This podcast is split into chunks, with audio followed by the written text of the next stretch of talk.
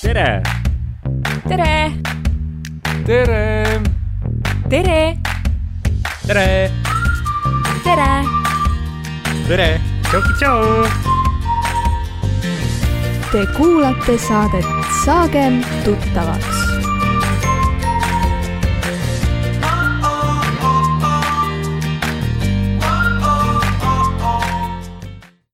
Tere tulemast kuulama saadet Saagem tuttavaks. mina olen saatejuht Sirli Pippar ning tänases ja ühtlasi ka hooaja viimases saates on mul au siin stuudios tervitada alati hästi rõõmsatujulist ja sõbralikku helimeest Jüri Salu. tere tulemast saatesse.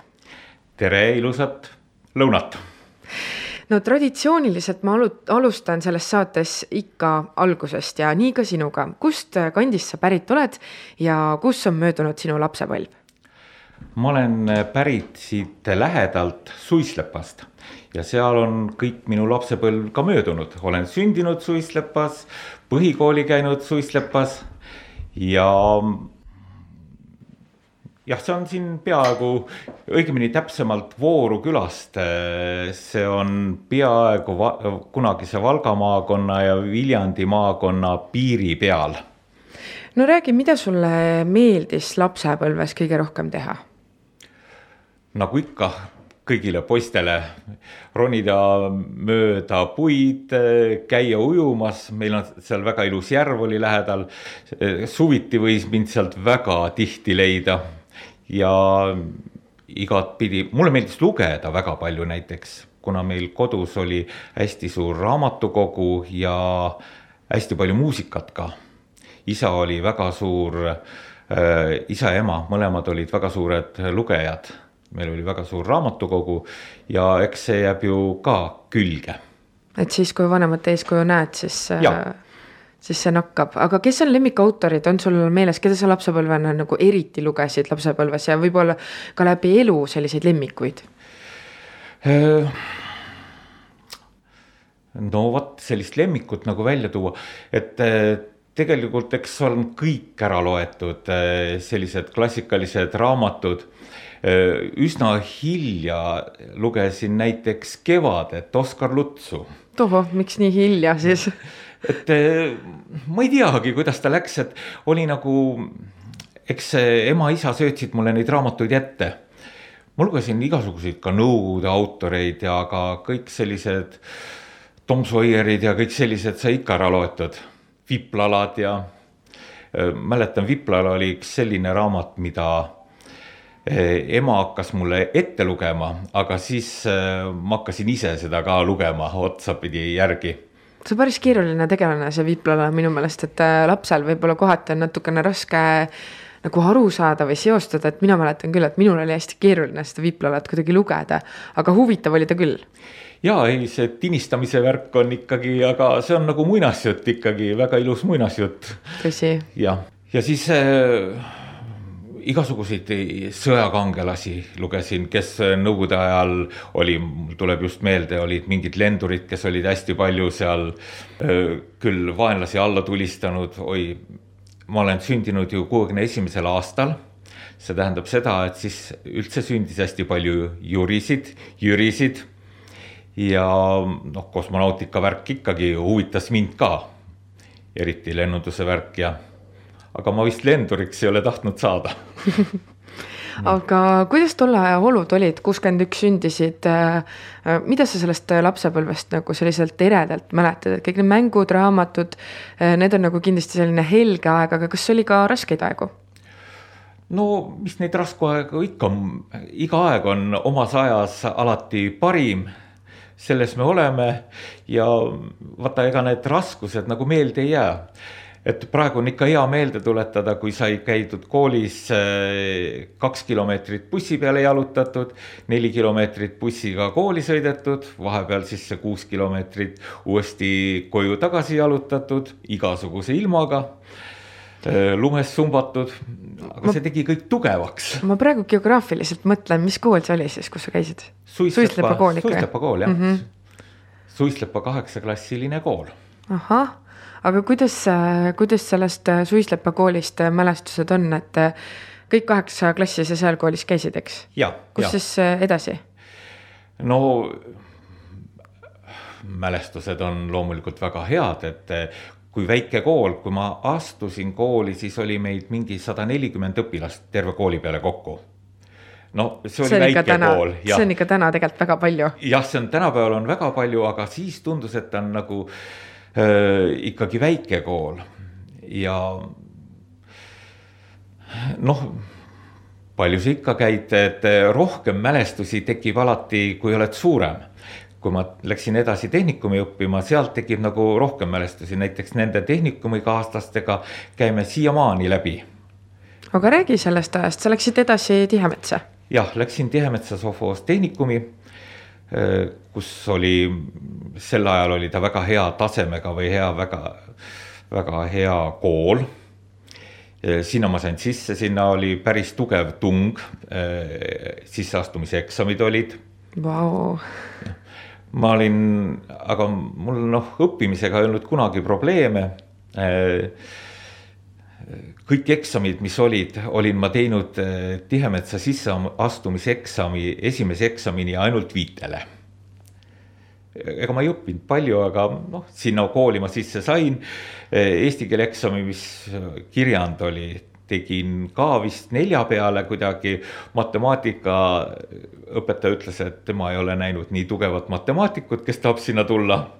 siis nad kirjutasid mulle viie sinna, noh kooli sain loomulikult sisse selle peale. Ja seal hakkas siis selle nagu iseseisva eluga tutvumine.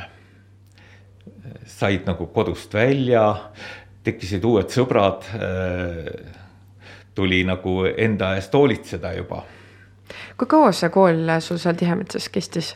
Neli aastat. neli aastat, see on juba siis, siis ongi tegelikult kasvad nende inimestega seal suhteliselt kokku ja nii nagu tegelikult siin põhikoolid, gümnaasiumid sama rahvaga sa need mitu aastat läbi teed.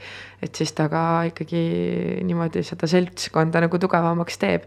aga miks sa ei valinud mingisugust matemaatika sellist suunda, ma ei tea, kuskile kõrgem matt või midagi sellist õppima minna, et miks sa just sinna tehnikumi läksid, mis see nagu oli, mis sind sinna nagu kohe eriti tugevalt äh, tõmbas ja mida sa seal kokkuvõttes nagu õppisid, mingisugust? minu see eriala on tehnikmehaanik.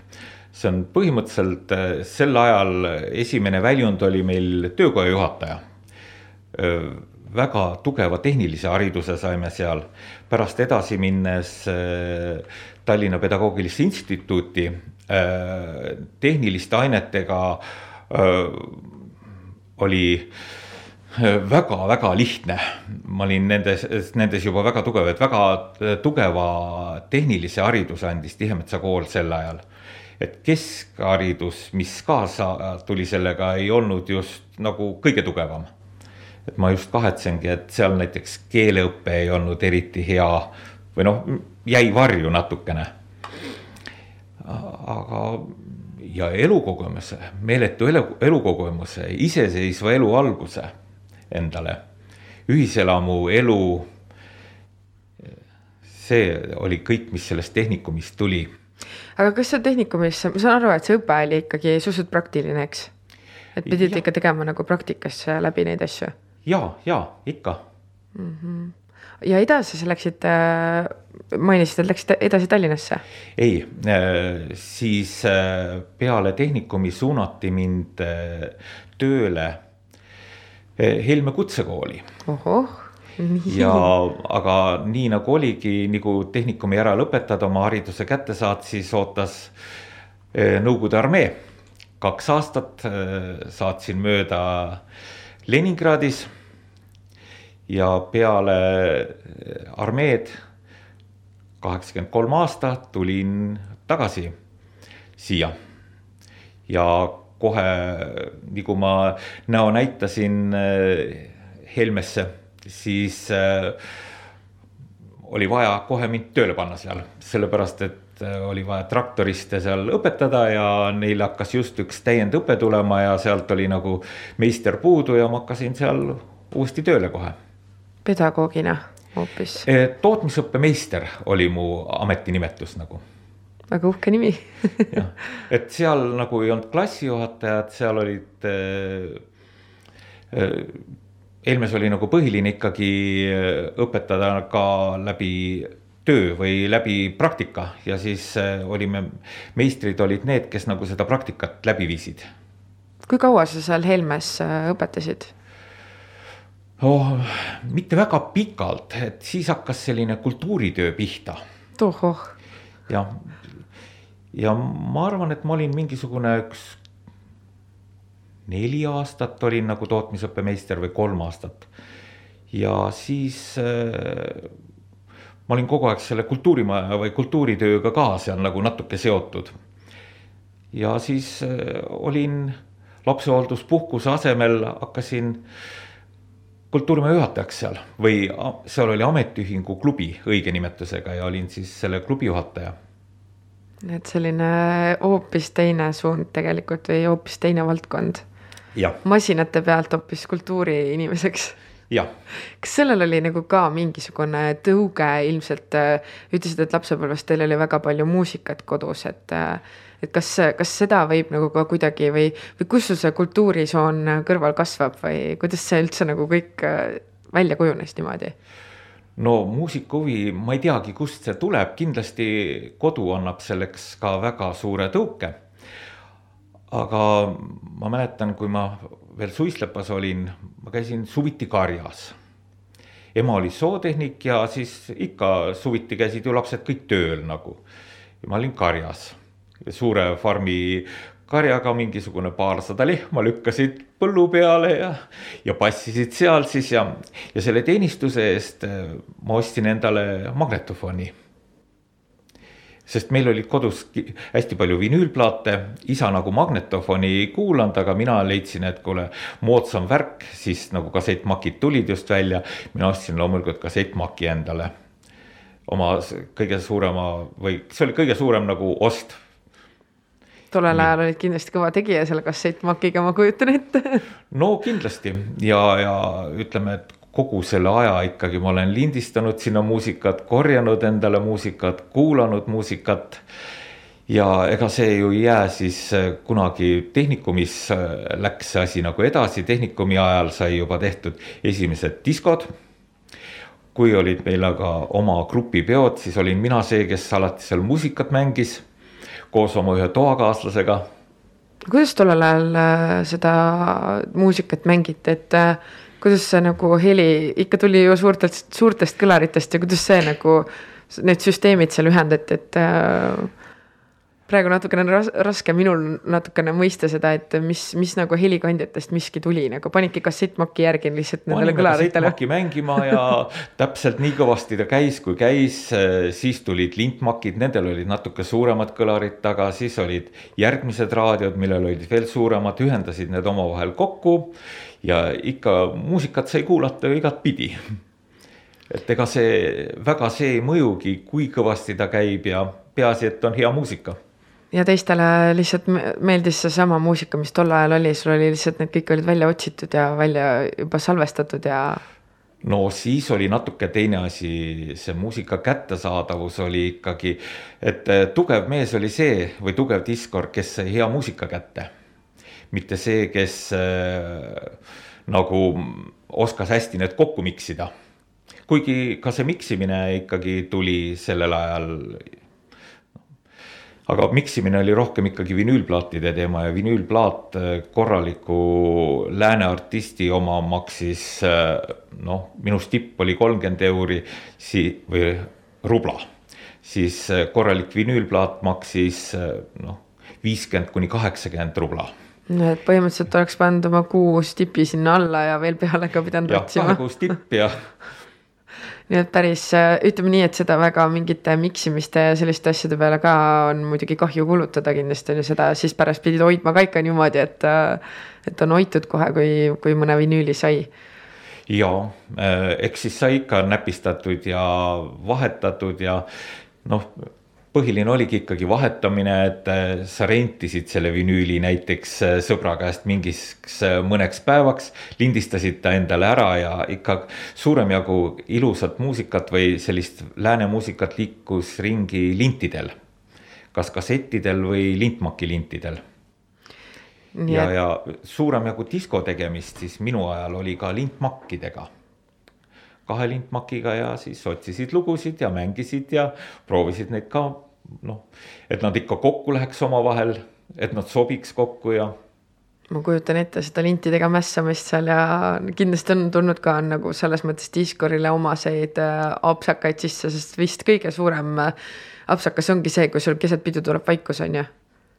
ei tea, ega kõik annab üle elada ja ja mis siis, et natukene häbened, praegu mõtled selle peale, et see ei ole üldse nagu mingi suur probleem, natukene jooksed, natukene pabistad, aga vaatad just, et öö, kõik see asi kaine mõistusega üle, et see asi saaks kähku tööle. et see maksab praegu nagu rohkem, kuidas sa suudad selle probleemi lahendada enda jaoks. tõsi, kas sul oli oma Discordi nimi ka noorena või? tähendab, mul endal ei olnud, aga see Discordi nimi tekkis äh, umbes aastal kaheksakümmend kaheksa või kuskil sealkandis või ei jah, natuke varem. kui ma klubis töötasin ja meil oli terve grupp äh, neid noormehi ja meie Discordi nimi oli Punane jahimees ma oleks küll pakkunud mingi DJ Salukas või midagi sellist millest see tuli siis? see või, tegelikult see on äh, meie diskokülastajate välja pakutud, me tegime lihtsalt nimekonkurssi ja pakkuge midagi. Ja siis tuli igasuguseid naljakaid nimesid ja kuidagi see punane jahimees Red Hunter jäi väga ilusasti kõlama. aga ta oli ikkagi inglisekeelne on ju, sest tõlkist praegu eesti keelde, ikkagi punane. Eestikeelne, see oli, eesti keel oli ikkagi meil põhiline keel nagu. Väga hea, no see on ikka tore meenutamist väärt seik, aga kui minna nüüd tagasi sinna Helme aegadesse, sa korra mainisid ka, et sa töötasid klubis, ma kujutan ette, et sul on olnud elus päris palju töökohti, kas mul on õigus? ma ei tea, kas mul neid töökohti päris väga palju on olnud, et äh, eks ma peale seda klubitööd äh,, siis ma olin katlakütja, ametilt olin katlakütja, sest see oli väga hea rahulik töö. Käisid, istusid oma vahetuse ära ja kõige muu jaoks jäi väga palju aega, et äh, eks siis hakkas see eraettevõtlus kõik pihta. pidasin kohvikut sealsamas Helmes mingisugune ka üks neli aastat. aga vot see kohvik oli küll, see oli Jürka kohvik. vot seda mina ei teagi, mis, mis aastatel see oli siis? oi, see oli üheksakümnendatel no, jah. ma räägingi, et ma olen, ma olen üheksakümmend täpselt sündinud ja mina sinna ilmselt siis ei jõudnudki. aga mida seal müüdi, saiakesi, siukseid asju? jah, hamburger oli põhiline teema. Mikrolaineahi oli meil nagu alles tulnud siia Eesti Vabariiki kohale jõudnud. ja siis me küpsetasime väga palju seal hamburgereid. et kõik siin, siinsed meie õpilased, väga paljusid praegused mu tuttavad sõbrad meenutavad seda kohvikut, kuidas nad käisid seal hamburgerit söömas. nii lahe. ja seal tegime ka pidusid niiviisi vahepeal diskosid, aga ega see koolikord oli üsna karm sel ajal, ega siis ei võinud teha nii, et sa teed õhtu hiljani peo või aga me tegime pidusid vahepeal nädalavahetuseti ikka nagu töötajatele. et nagu, kes on vanemad kui kaheksateist. et siis oli ka seal väikene naps ikka alati sees ja mängis lindimuusika või vahepeal olid ka diskorid. aga sel ajal ma tegin hästi palju juba videodiskosid, et äh, nii kui hakkasid videomakid tulema, siis põhiline meie spetsiaal oligi videodiskod Punasel jahimehel. et selle järgi vist võib-olla mäletatakse meid. issand, see tundub nii kuidagi nagu selline kas sul oli siis kuidagi nagu läänemaailmaga mingi käpp sees või kes sa sulle neid, kus sa, kus sa seda tehnikat hankisid siis? videomakid või, kuule, need ikka tekkisid ju siia maailma ja neid toodi, meremehed tõid ju nad siia ja maksid küll nad eh, hingehinda. aga kuidagi ju tuli asjaga kursis olla, millegi peale tuli ju kulutada siis eh, see oli ju huvitav ju ja lindistada siis seda muusikat sati pealt, siis oli ju igal, igas külas pandi oma satisüsteem ülesse ja ja algul, kui ei pandudki igasse külla, siis läksid selle sõbra juurde, kellel oli satisüsteem öö läbi, lindistasid sealt ilusaid muusikalugusid. uskumatu, uskumatud ajad, viivat, vot viivat teen mina ka. Aga seal oli meie jaoks pigem selline võib-olla kohati isegi nagu liiga uus muusika, et meil ei olnud veel nagu jõudnudki kõike seda ja siis äh, ma ei tea, kuidagi sihuke hästi suur valik oli, ma mäletan, minu nooruses juba oli nagu seal Viivas selline suhteliselt sihukene väga lai valik, et MTV oli nagu meie aja teema, sihuke rohkem, kus siis lasti seda tänapäevaselt äh, Äh, siis seotud äh, sellist kümmet lugu umbes ja siis sa kogu aeg kuulsid seda kümmet lugu ja siis need sulle kuidagi nagu pähe hakkasid, et Viivas oli tegelikult väga palju laiem valik tõesti. Viivas oli jah laiem, seal mängiti ka vanu lugusid ja ütleme niiviisi, kui ikkagi see jääb üheksakümnendatesse, et Viiva mängis väga palju kaheksakümnendaid äh, ja ka veel vanemaid, vanemat muusikat ja ka uut muusikat, aga ta mängis nagu rohkem sellist tantsumuusikat, et mis äh, võib-olla meile läks rohkem peale. MTV ka oli täpselt samamoodi, aga sealt pidi oluliselt rohkem sorteerima, et äh, aga seal oli uuem muusika jälle mm. -hmm. et äh, eks meil võttis natukene aega, et ikkagi suuremad diskod, mis ma ikkagi tegin, on kõik ikka Lõuna-Eestis. et Tallinna klubi teema on hoopis teine, et seal on nagu kultuur lähemal, jõudis kiiremini kohale. ja, aga meil kuulati nagu ikkagi natukene sellist äh, rahvamuusikat, et ega väga palju erineb muusikavalik, mis on kas Tallinnas klubides või on siin meil pidudel. kas see on tänapäevani nii? ma arvan küll mm. -hmm. ma arvan ka ise tegelikult niimoodi, kui sa praegu selle välja ütlesid, siis ma hakkan ise ka mõtlema, et äh, mingi aeg oli see vahe suurem, oli märgata nagu rohkem Äh, et ongi maakatel maakate muusika ja linnakatel linnamuusika ja ometi me Tõrvas ei pea ennast maakateks. Aga peab ütlema, et sellist äh, kasvõi kui vaadata siin kontsertide käidavust ja niimoodi, et äh, peab ütlema, et peab neid pärle ikka otsima, et et just inimeste näol, et, et kes tuleks kuulama sellist spetsiifilist muusikat, et peale läheb ikkagi selline noh, sihuke mainstream muusika, ma arvan. jah aga kuulame siia vahele ühe loo, mis sa oled ise välja valinud. Äh, ja sa võid ka öelda, et äh, miks, miks see lugu just äh, sinu jaoks on sellise märgilise tähendusega? no nii, ma mõtlesin, et mis lugusid nagu siin mängida. mul on hästi palju igasuguseid lemmiklugusid, et need muutuvad kindlasti ajast aega. aga et esimeseks mängiks selle loo, mida ma olen tõenäoliselt oma diskori karjääri jooksul kõige enam mänginud ja see on Alphabilly Big in Japan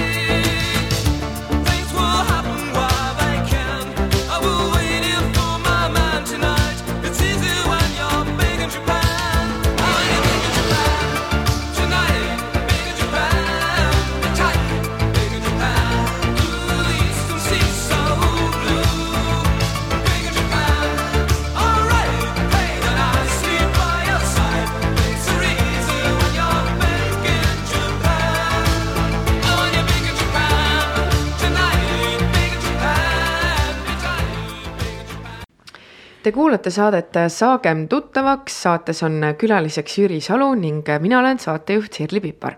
no me ennist rääkisime natukene sellest ähm, minevikust, rääkisime, läksime siis tagasi päris lapsepõlve ja, ja kuulasime tegelikult ka ühte sinu sellist äh, märgilise tähtsusega lugu Discori ajaloost äh, kui nüüd tagasi minna sinna kultuuri päris algusaastatesse, kus sa kultuuriga kokku puutusid, siis äh, kas see tähendab seda, et sa jäid ka hiljem äh, ja tänase päevani tegelikult sa ju töötad äh, kultuurimajaga koostöös, et, et kas see kultuur on kogu aeg olnud sinu elus läbivalt kõrval, ükskõik mis tööd oled teinud? kogu mu töö ongi olnud igasuguse kultuuriga alati seoses et kui ta ei ole ka põhitöökoht olnud, et kui ma olin nagu katlakütja vahepeal, siis ol-, ega diskoriamet on ka ju ikkagi äh, ja igasugune pidude korraldamine, et äh, siis ei olnud see diskoriamet selline, et sa lähed, äh, võtad oma kassetid kaasa ja lähed diskot tegema, oli selliseid diskosid ka, aga ikka see seisnes, et sa planeerid kõik kohad, kus kohal sa teed. siis sa vaatad, kes sul turvamehed on, siis sa otsid, kes sul pileteid müüb seal. et äh, me tegime, meil oli nagu täisteenus, mida me pakkusime kes su meeskonnas olid sellised, kas, kas sa oled olnud ka mõne inimesega nagu läbi äh, elu niimoodi seilanud või on need inimesed su kõrval kogu aeg vahetunud? no kellega me pihta hakkasime selle asjaga, see härrasmees on kahjuks lahkunud meie hulgast, oli Ivo Leesar. et äh, seoses temaga hakkaski kogu mu see võib-olla selline suuremas võtmes äh, pihta kultuuri tegemine tema oli see mees, kes tuli Koselt, äh, noor mees ka, Koselt, äh, Koselt äh, Tõrvasse või Helmesse elama direktori asetäitjaks. ja meil kuidagi väga klappis ja ta oli väga tugev bändimees ise. ja temaga, kuna mina ise mingit pilli ei mängi, siis ma hakkasin või temaga koos ostsime Helme koolile tehnika, suured helivõimendused, pillid ja hakkasime seal bändi tegema, bändi juhendama, mina kui tehnika pool. ma küll olen proovinud pilli natukene mängida kunagi kitarri, aga noh, see ei tule mul väga hästi välja. ja lihtsam on mängida mikserpulti ja e, tegeleda heliga. ja meil oli väga huvitav, väga vahva koolipoiste bänd mida Ivo siis juhendas. hiljem juhendas seda bändi Arno Alumäe. ja me käisime isegi igasugustel ülevaatustel selle bändiga. ja väga ilusasti tegime sellist roki moodi muusikat, väga ilusti võeti meid igal pool vastu. see oli hästi huvitav aeg, et sealt hakkas nagu see selline heli tegemise vastu huvi. mis selle bändi nimi oli? Tead, kui ausalt öelda ma ei mäleta ma tuletan selle meelde küll, ma mõtlesin, et ma tuletan ta meelde, aga praegu ei tule pähe. aga need inimesed seal bändis, kellele helisid tehtud ja niimoodi, kas need vahetusid või olid üks sama kollektiiv? no koolipoisid ikka järjest tuli sinna mm. -hmm. nii nagu poisid koolis mängisid aga me tegime ka niiviisi, et ka kohalikud näiteks mängisid vahepeal meil bändis seal. Jaan Jott Lepik, kes on praegu kõrge vaimulik mm. -hmm, me jäin just mõtlema, et see on väga ja. tuttav nimi. siis äh, äh, Priit Põldmaa, kes on väga tugev laulja praegu, on ka seal mänginud Tallinnas kuna nad on ju kõik Helme päritolu. eks me tegelesime ka väga palju ju kohalikega seal, et kes aga oskas, tahtis pilli mängida, kõik said eh, ligi tulla. ja huvi oli sel ajal suur sellest kooliajast ma mõtlen seda, et see on esiteks üks eeskuju ja, ja tegelikult tegemise vorm, niimoodi koos tegemise vorm, mis kindlasti inimesi ühendab, aga kui, kui palju sa ise äh, nüüd hilisemas äh, ajas oled äh, oma õpilastega üldse suhelnud või selle aja inimestega väga suhelnud, kellega sa Helmes just koostööd tegid ja, ja keda sai õpetatud, kas tunned ära ka need õpilased? väga raske, kindlasti tunnen ära ja, aga nemad tunnevad mind nagu rohkem ära, see on väga ilus jälle kohtumine. sageli nimi ei tule kindlasti meelde ei, vot seda ma väga mõtlen, sega, seda ma väga mõtlen, seda nime, isegi näiteks need Tõrva poisid, kes on nagu siin, kes mul kohvikus käisid ja istusid seal, me ajasime väga pikkasid jutte et siis ma enam ju pedagoog ei olnud ja siis oli nendega väga hea suhelda. Nemad rääkisid oma muredest, rõõmudest. ja see kohvik oli just see koht, kus, kuhu tundi ennast nagu siis äh, maandama. aga miks see kohvik, sa ütlesid, et see töötas ainult neli aastat. mis siis juhtus? Aeg sai otsa, ütleme sellele kohvikule nagu et eh, ega ta ei olnud ju mingisugune tulu teenimise allikas, et. et see töötas enam-vähem ikka sellistel heal tasemel või te, ainult aitäh eest et eks võlanimekiri jäi sinna üsna suur, et kuule, poisid tulevad ja ütlevad, et kuule, teeme burgeri, aga tead, mul ei ole praegu, et paneme siis sinna kaardi peale ja ja siis see nimekiri ikka sinna jäi nagu ja, ja ega siis me ei keelanud ka ja. kogemust saada on ikka jah, põhiline. kogemus oli juba nagu saadud selle kohvikuga ja nende kohvikute aeg hakkas nagu otsa saama.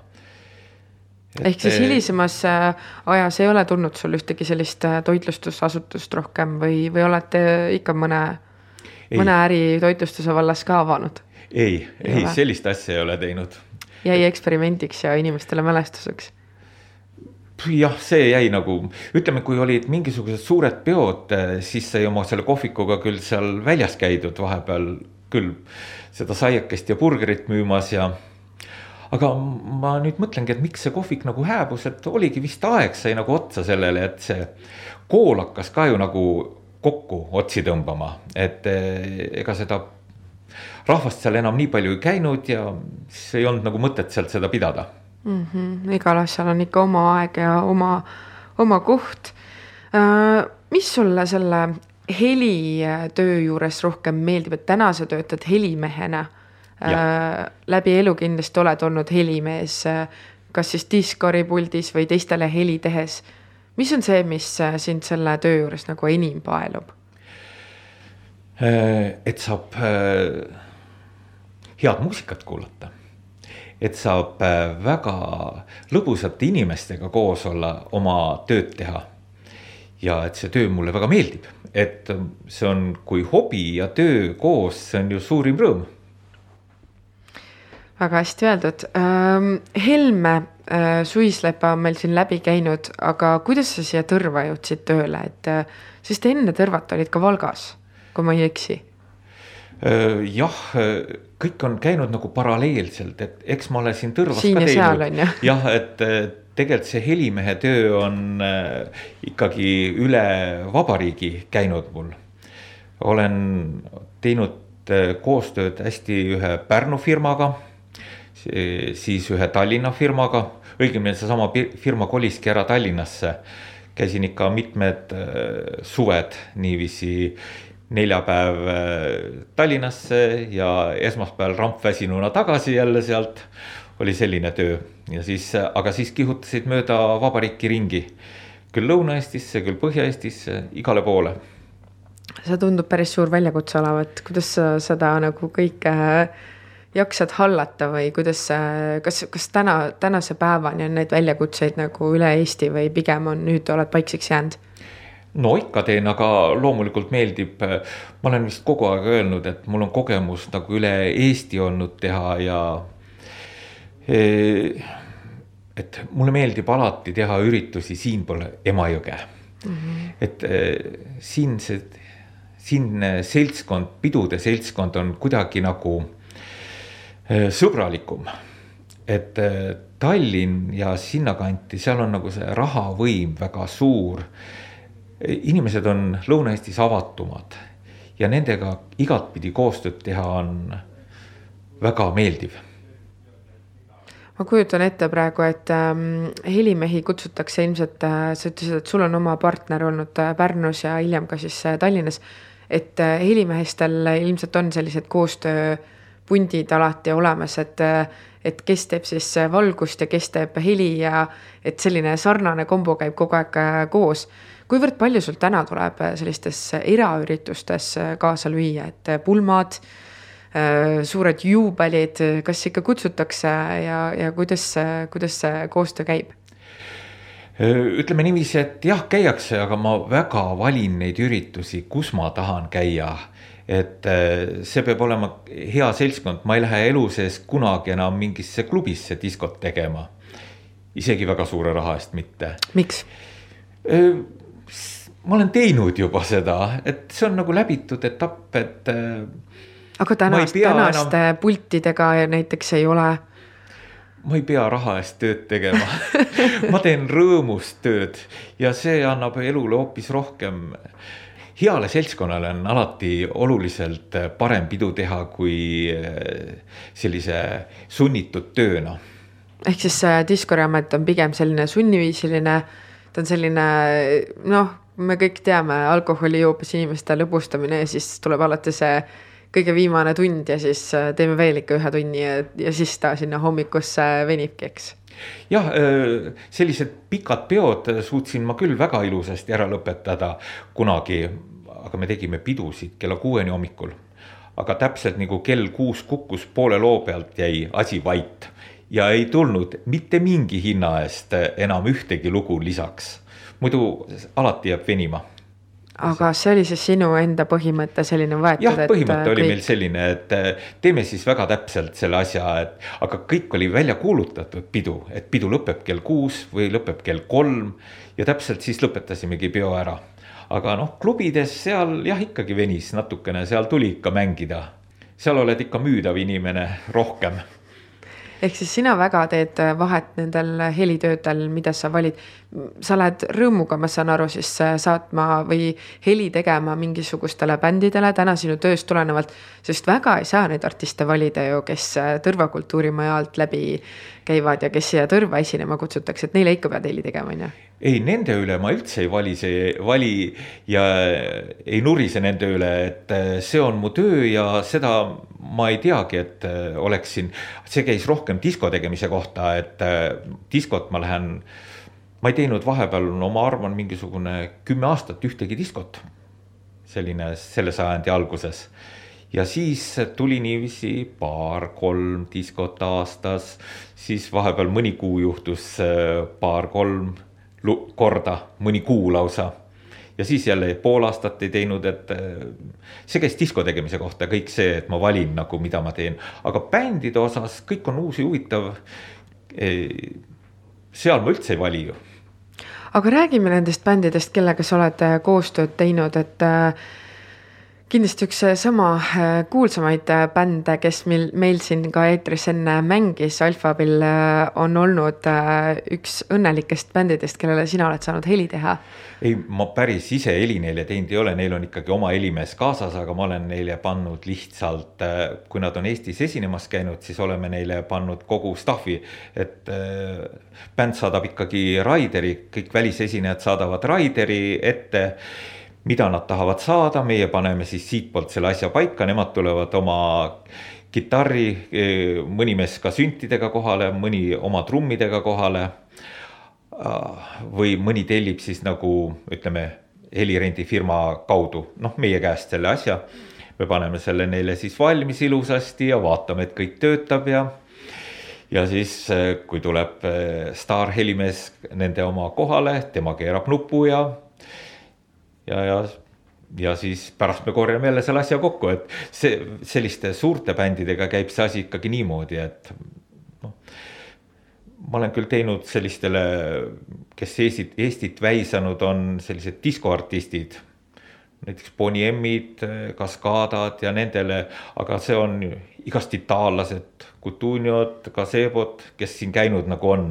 et nendele ma olen jah, aga nemad on nagu selles suhtes lihtsamad, mängivad fono, laulavad ise selle loo peale, et ei noh ei ole vähemalt sihukest äh, setup'i vaja sinna, et on mingi live, äh, live bänd väga peal, ma saan aru küll sellest, mis sa mõtled. jah, live bändidel on ikkagi oma helimees alati kaasas, aga need, kes on nagu sellised äh, noh, jah, ma ei ütle, et nad oleks nagu. no sa ütlesid väga ilusasti, diskoartistid tegelikult. diskoartistid no, jah, et on ka selliseid artiste, kes isegi ei laula ise või vahepeal isegi näiteks see mänedžer, kes kaasas nendega on, leiab, et kuule, parem on, kui ta ei laula kuidas sina helimehena sellele vaatad, nagu selle eest küsitakse raha ikkagi inimeste käest? eks te hea maiguga ikka ei ole, on ju? Ei no, aga inimesed naudivad seda, mida meil tarvis on ju, meil on ju tsirkust ja leiba tarvis. ja see on ju tegelikult, ma ei ole näinud äh, neid äh, lääne artiste, kes siin käivad, et neil oleks äh, publiku puudust, et nendele kaasa ei elataks. et see on kõik ju väga ilus. Nad saavad selle, mida nad tulevad kuulama mul oli mingi aeg elus periood, kus ma kogu aeg jälgisin seda, et mida teevad, kuidas teleülekannetes käiakse esinemas, et on ju näha, et eh, noh, kasvõi aastavahetuse programm, artist esineb seal, aga näiteks kitarril pole juhetki taga, on ju, et mingi aeg oli selline aeg, kus ma nagu hoolega jälgisin ja, ja vaatasin ja, ja peab tõdema, et tänapäeva tehnika on niivõrd arenenud, et ega kohati ei saa isegi aru, et kas ja kes mängib mis pilli, et saad sellest lauljast küll aru, kas ta praegu hetkel näiteks Terevisioonis laulab öö, eh, otse või ta ei laula aga mõnikord ei saa ka aru, et äh, kui palju sul sellist äh, telega koostööd on olnud. Äh, kas on, on üldse olnud sellist teleproduktsiooni või kuskil saadetesse heli tegemist või kuidas sina sellesse telemaailma suhtud? ma ei ole teinud sellist tööd et äh, ei ole juhtunud, aga kui öelda, et kas nüüd tänapäeva tehnika on lihtsalt niivõrd hea, et äh, ka live-kontserdid oi-oi, kui palju meid seal petetakse mm. -hmm, nii et äh, kõike, mida me näeme, ei pea nagu uskuma, aga mis siis vaja on? minu arust parem on hea disko kui vilets pillimees. tõsi, tõsi selles mõttes ma mõtlen tõesti jah, ja no ma ei tea, mina lauljana ikkagi hindan väga, kui ma saan ise aru, et see artist ongi laivis tõesti sama hea, kui ta on olnud äh, kuskil helikandja peal, aga, aga neid sealt tõesti sellistest, ma ei tea, Kadri Voorand on ju, mitte kunagi ei arva, et ta laseks kuskilt äh, oma CD-plaadilt on ju heli, et. et sul on ka tulnud äh, ilmselt läbi selle kultuurimaja selliseid äh, ähm, akustilisi kontserte, küll selliseid ähm, ooperiartiste võimendada, et äh, kuivõrd raske see töö on võrreldes selliste diskoartistidega. et kas sa siis nagu ise ei tunne puudust sellest, et sa ei ole nagu päris äh, muusik, ei ole ise ei oska pille ja nii-öelda nii ei ole ka õppinud seda ametit? jah, ma ei ole ise pillimees, aga mul on väga hea kuulmine ja ütleme nii, et ma ikkagi kuulen, kes kui mööda laulab vahepeal ja, aga ütleme ka mind on võimalus ära petta näiteks äh, noh, sellega ei ole vast ära võimalik petta, kas ta laulab otse, aga pillimäng on kindlasti telekas äh, kontserdil äh, noh, mind ära petta ei saa. lauluga ka ei saa petta, aga ma arvan, et suurem jagu inimesi, kellel võib-olla nii hea kuulmine ei ole, siis nad on võimalik sellega ära petta nii et kas ta nüüd laulab otse. aga võin öelda ikkagi, et väga-väga paljud laulavad meil otse, nii et aga pilli jah, ei mängita väga tihti aga kuidas on selliseid ooperiartiste, kas nad tänapäeval lasevad ennast üldse võimendada või nemad laulavad pigem ilma mikriteta? Neid on ikka oluliselt raskem jah veenda selleks, et nad laulaks ikkagi mikrofoni, näiteks meil siin kohalikus kammersaalis, aga siin ei olegi vaja tegelikult hea häälega inimesi võimendada kindlasti on raskem teha äh, vaikseid lugusid ja vaikselt võimendada, kui teha näiteks äh, suurt rokk-kontserti. et äh, seal ju ikkagi kõva muusika natukene tuhmistab meie kuulmist. nii et kui ikka täisvõimsuse peal teha paar lugu ära, siis ega suuremalt jaolt keegi ei kuule enam kas seal on midagi natukene valesti või on seal kitarr natukene rohkem, kui peaks olema või on see, et eh, kõrv nagu tuhmub. ja ma ise kasutan väga palju müra summutavaid eh, kõrvaklappe, mis käivad kõrva, et eh, kuulmine ikkagi alles oleks.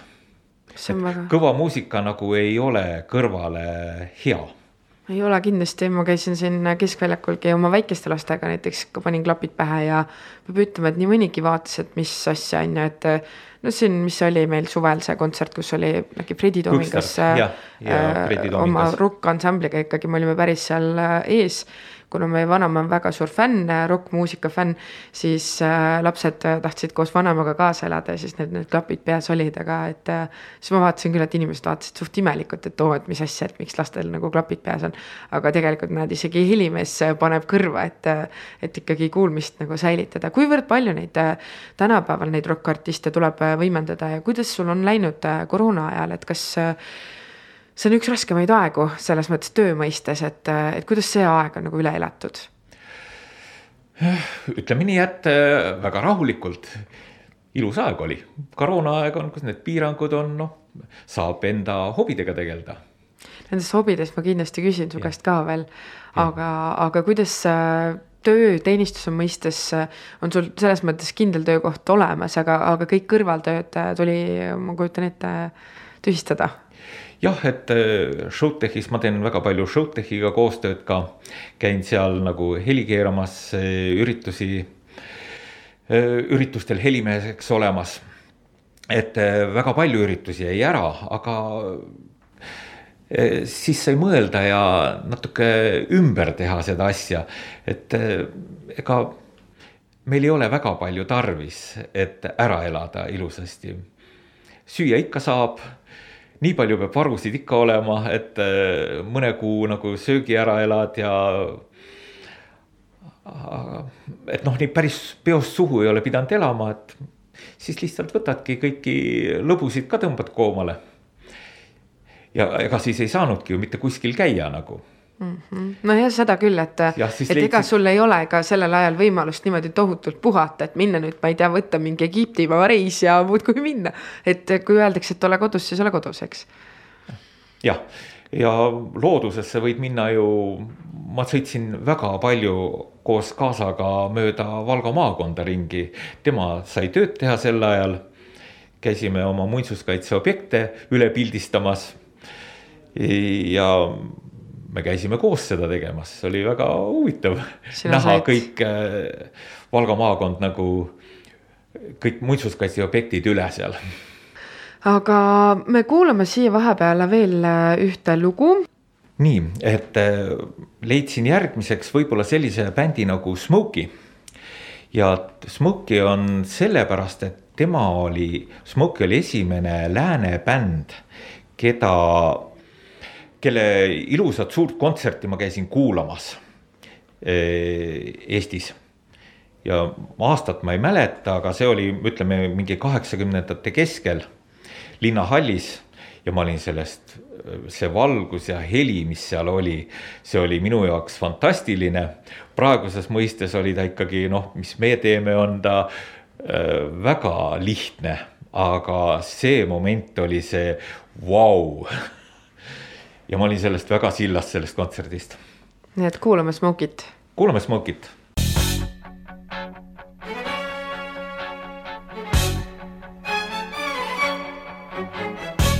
Summer evening on the Champs-Élysées A secret rendezvous they planned for days. A sea of faces in a crowded cafe. The sound of laughter as the music plays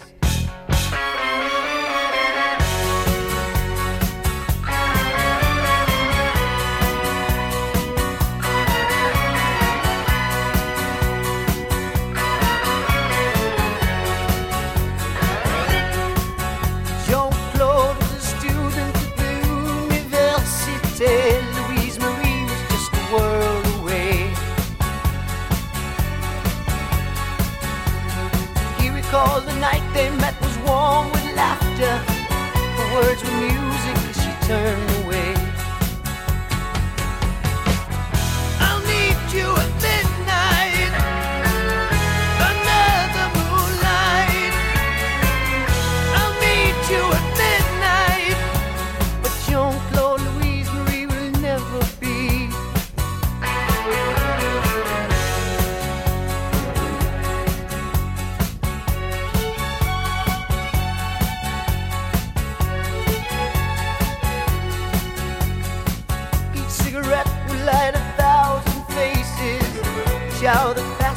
like a thousand years. Midnight was turning into empty spaces. The sound of laughter disappeared.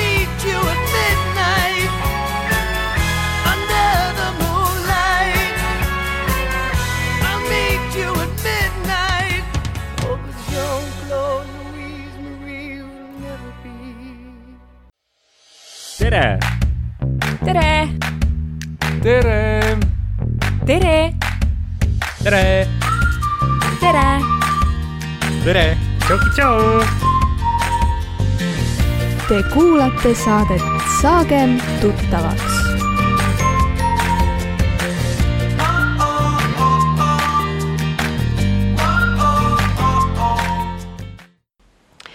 Te kuulate saadet Saagem tuttavaks, saates on külaliseks Jüri Salu ning saatejuhiks Sirli Pipar.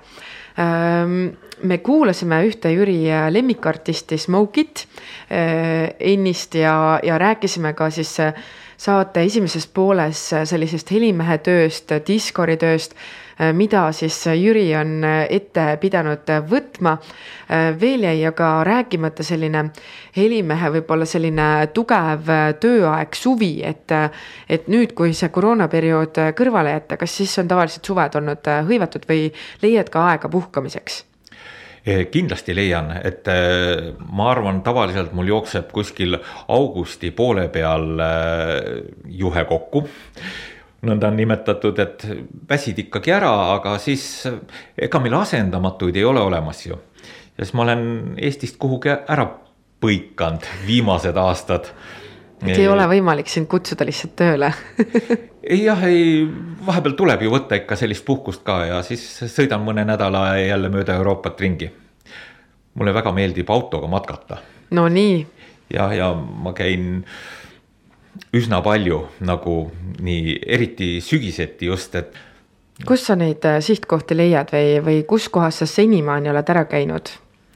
Neid kohti on kindlasti palju, jah? Neid on ikka päris palju jah, et äh, hakkame pihta Lätist, Leedust, Poolast, siis Horvaatiast, Slovakkiast, Itaaliast.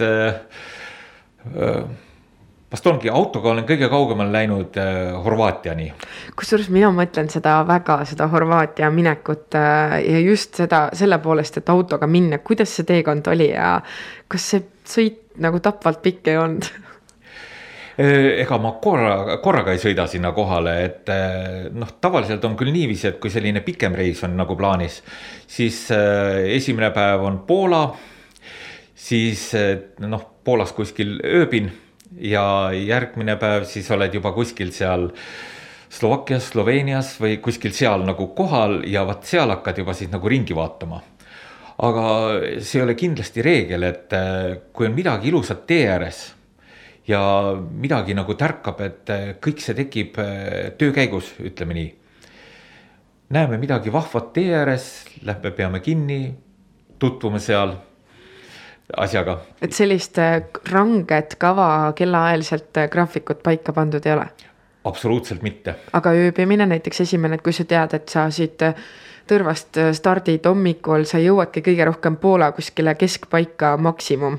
no see on tavaliselt nagu ka bussireisidega niimoodi olnud, et kas sa vaatad juba enne ööbimise ette või, või pigem jätad kõik äh, juhu, juhuse hooleks? mul on ööbimine kogu aeg endal kaasas aa, sa lähed matkaautoga täitsa? ei, ma ei lähe matkaautoga, mul on nagu buss alati kohandatud mm -hmm. matkaautoks väikene buss ja seal on ööbimine, seal on ilus äh, lai vedrumadratsiga väga mugav voodi, mis on kõige tähtsam asja juures. seal on olemas ka sellised äh, söögi tegemise võimalused või ütleme niiviisi sooja vee tegemise võimalused ja väikse söögi tegemise võimalused. pliit ja endal on loomulikult vesi kaasas ja sellised matkamiseks nagu et eh, ega ma seal matkaautos või nõndanimetatud matkaautos viibin ainult ju ööbimise ajal, et ma naudin seda kõike ümbrust, ma lähen ju seda vaatama, mitte seda, et ma nüüd seal. kui saad kuskil mere ääres või vee ääres ööbida, lähed jalutad seal ringi. ja siis on meil üsna tihti olnud ka jalgrattad kaasas ja paneme auto kuskile linna äärde parklasse, sellised väiksed linnad ja sõidame siis selle linna jalgratastega läbi. väga vinge, hea plaan täiesti. Jah, et noh, kesklinnades ei ole ju kuskil noh, parkimisvõimalust alati olemas, noh, mida rohkem Lõuna-Euroopasse lähed, mida näiteks Rootsi, Soome lähed seal ei ole see autoga väga mugav liikuda, seal on näiteks jalgrattaga kordades parem liikuda ringi ja kui palju sa eelnevalt tutvud või, või uurid nagu nende riikide kohta või ajas ju tegelikult ka muutuvad reeglid riikide vahel, küll hakatakse küsima rohkem raha äh, nende teedemaksude näol, siis hakatakse küsima hoopiski raha ka selle eest, et sa ööbid omas autos, et mõnes riigis üldse ei tohi autoga kuskil äh, magada nii-öelda, on ju, et et pead ikka võtma selle majutuse, on ju, et et kuivõrd palju sa ise eelnevalt äh, nende asjadega tutvud või kuivõrd palju sa jätad juhuse hooleks, et ah, koha peal avastan? ütleme niiviisi, et need ööbimised ma ei ole pidanud siiani kuskil veel maksma, ma alles hiljuti sain teada, et Horvaatias ei tohi näiteks autos ööbida. aga ma olen seal päris palju autos ööbinud ja ma ei tea, nagu ei ole probleemi tekkinud, aga see probleem on rohkem võib-olla nende matkaautodega, sest minu see väikene buss. seal ei oska keegi kahtlustadagi, et seal keegi magab. keegi ei vaatagi selle poole, et seal nüüd keegi magab sees või et see on nagu matkaauto et selle eest ei küsita midagi. teemaksud, noh, nendest ei pääse, need pead nagunii maksma ja väga palju on seal Sloveeniad ja need Slovakkiat ja seal on äh, vinjetid ostad endale, et sa saad näiteks nädalase liikumisvinjeti. see, see ei maksa eriti palju, ütleme niiviisi, see, see on nagu reisikulu. et ma hoian selle võib-olla kas sealt muudelt asjadelt äh, kokku või aga kuivõrd palju sa oled selline äh, õnnelik reisija Äh, või kas äh, õigemini on, õigemini minu küsimus on hoopiski niimoodi äh, planeeritud, et kuivõrd palju on juhtunud ka reisidel äpardusi, et autoga reisimine on alati risk kindlasti, et võib rehv lõhkeda või, või ma ei tea, auto võib üle keeda või, või mis iganes selliseid viperusi võib ette tulla, et. et sa kindlasti hästi palju usaldad oma sõiduvahendit, aga kas on ka pidanud pettuma? Kui ma nüüd järgi mõtlen, siis see nende reiside peal ei ole mul mitte ühtegi apsakat olnud. nii et sa oled ikka õnnelik reisidest läbikulgeja? on tegelikult juhtunud äh, üks selline pisikene apsakas, et äh, läksime Norra suusatama siis oli mul sõiduautoga, meid, siis oli meid juba suur kamp nagu, muidu me sõidame kogu aeg äh, need automatkad või on meil kahekesi Margisega, sõidame ringi ah,. ennem sellele jäi vastamata, et ähm, äh, kes nagu planeeringu teeb kõik sellele. Margis on suurem jagu see, kes vaatab nagu kõik need kohad ära. mina olen nendega kõigiga tavaliselt nõus, minul on lihtsalt, et lähme. ja nii me siis lähmegi. ja neid aga me vaatame ikka kogu aeg tee peal on internet ju on igal pool praegu olemas. Telefonis olemas, siis tutvud, midagi leiad, siis vaatad, loed blogisid, kuhu võiks minna, mida võiks vaadata. ja vaatad tee peal neid üle, et tee peal on ju aega hästi palju ka. et see, kes sõidab, aga see, kes kõrval on, jälle vaatab, et oo, mis siin lähedal on, et võiks ju vaadata. et juhtub selliseid juhuse asju. Aga jutt jäi ennem just see, et mis Apsakas juhtunud on. et äh, läksime suure kambaga, kolme autoga suusatama Norra ja noh, ega siis ruumi oli vähe, meid oli nagu kaksteist inimest äh, kolme auto peal. mul oli katusel suusaboks. aga kõike eluks vajalikku oli vaja kaasa võtta, loomulikult suusavarustus ja kõik söögid-joogid ka, et äh, Eestimaalt ja, ja mingil momendil kuulen, et katuse peal midagi koliseb, natukene paar korda kolksub. ja siis käis ainult üks suur kolin ja suusaboks lendas äh, lihtsalt kraavi ja mis siis oli, et noh, suusaboksi võib panna kolmkümmend viis kilo kaupa. ja siis me läksime tõstma, et selle suusaboksi äh, sealt kraavist välja. Aga me ei jõudnud tõsta, see kaalus vähemalt oma sada viiskümmend kilo. kahekesi me ei jõudnud seda tõsta, siis me sealt kraavist vedasime supipurke välja ja mis asju kõike veel õllepurke ja mis olid seal suusaboksis sees, me toppisime suusaboksi liiga täis aga kõik autod olid nii täis, et suusaboksi ei olnud enam mitte kuhugi panna. mis siis sai? Mis siis sai, jätsime suusaboksi koos ühe mehega tee äärde sõitsime oma ööbimiskohta ära ja siis panime auto tühjaks ja siis ma sõitsin sinna tagasi, võtsin selle härrasmehe koos boksiga uuesti peale ja siis äh, edasi hakkasite sõita ruttu kõik asjad ära, et ei, me olime nagu nädal aega ühe koha peal nagu, et meil oli terve nädala varustus seal no, kaasas. vähemalt siis äh, läks vähemalt lõpuks ainult, ainult suusad ja oligi kõik, on ju. ja, ja, ja. Aga see kinnistus oli kõik katki, siis saime ta lõpuks ikka teise auto peale pandud, siis teine auto sõitis, oli kaks suusaboksi katusel. mul olid nagu katuseraamid olid kõik katki läinud. issakene, see on ikka suht suur kaotus aga kõik läks väga õnnelikult, et äh, jah, autod jäid terveks ja inimesed jäid terveks ja.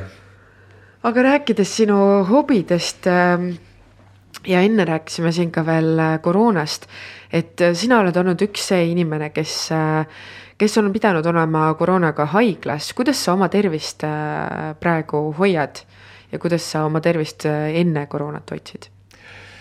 ma arvan, et ma olen üsna tervislikult oma arust elanud kogu aeg või ütleme, viimane aeg vähemalt. ja ütleme, et ega see koroona ei mõjunud mulle halvasti, see oli lihtsalt üks õppetund elus. ja ma sain ikka teada, miks, et äh, miks ma võib-olla sinna koroonasse jäin, et äh, inimesed, ärge stressake ja siis oli just see, et mul oli hästi vähe puhkust, väga pingeline töömoment oli selja taga.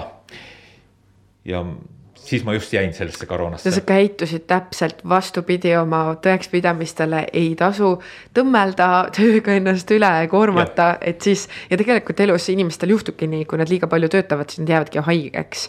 ja, ja sina oled sellise järelduse teinud, et see, see ja, sind ilmselt ja. maha murdis, jah jah, et see oli mitu asja nagu sattus kokku täpselt siis, et eh, noh, mis ma olen ka öelnud, et D-vitamiini tase oli hästi madal mul eh, see moment, kui ma haiglast sattusin, suvine aeg. Ja ma ei olnud saanud päikest. ja see oligi enam-vähem see aeg, kui ma oleks pidanud puhkama minema aja maha võtma just. aga sa ütlesid, et sa oled oma elu tervislikult elanud, mis sa siis eh, teed selleks tervislikuks eluks? ma ei tee oma tervisele midagi sellist, eh, mida ma leian, et ma ei peaks tegema. et ma ei, viimane aeg ma ei tarbi alkoholi näiteks ja, ja proovin ikka või liigun üsna palju. et eh, tegelikult enne seda koroonat ka ma liikusin ikka noh, iga hommik oli mul ikka selline tunniajane kõnd oma metsas seal et selline tervislik, tervislik hommiku algus.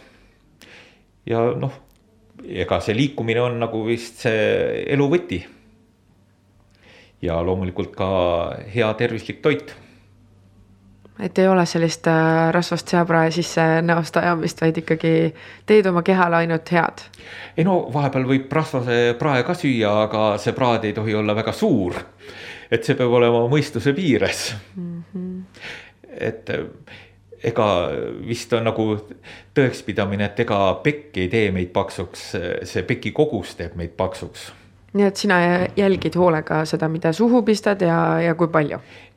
aina rohkem, aina rohkem mm, -hmm. et tahaks ikka tervis, tervena edasi elada et vanemas eas kindlasti see mõte hakkab rohkem kandma, eks, et noorena väga me ei võt-, mõtle, mida siin suust sisse pistame, tänapäeval võib-olla tegelikult mõeldakse rohkem kui, kui, kui enne.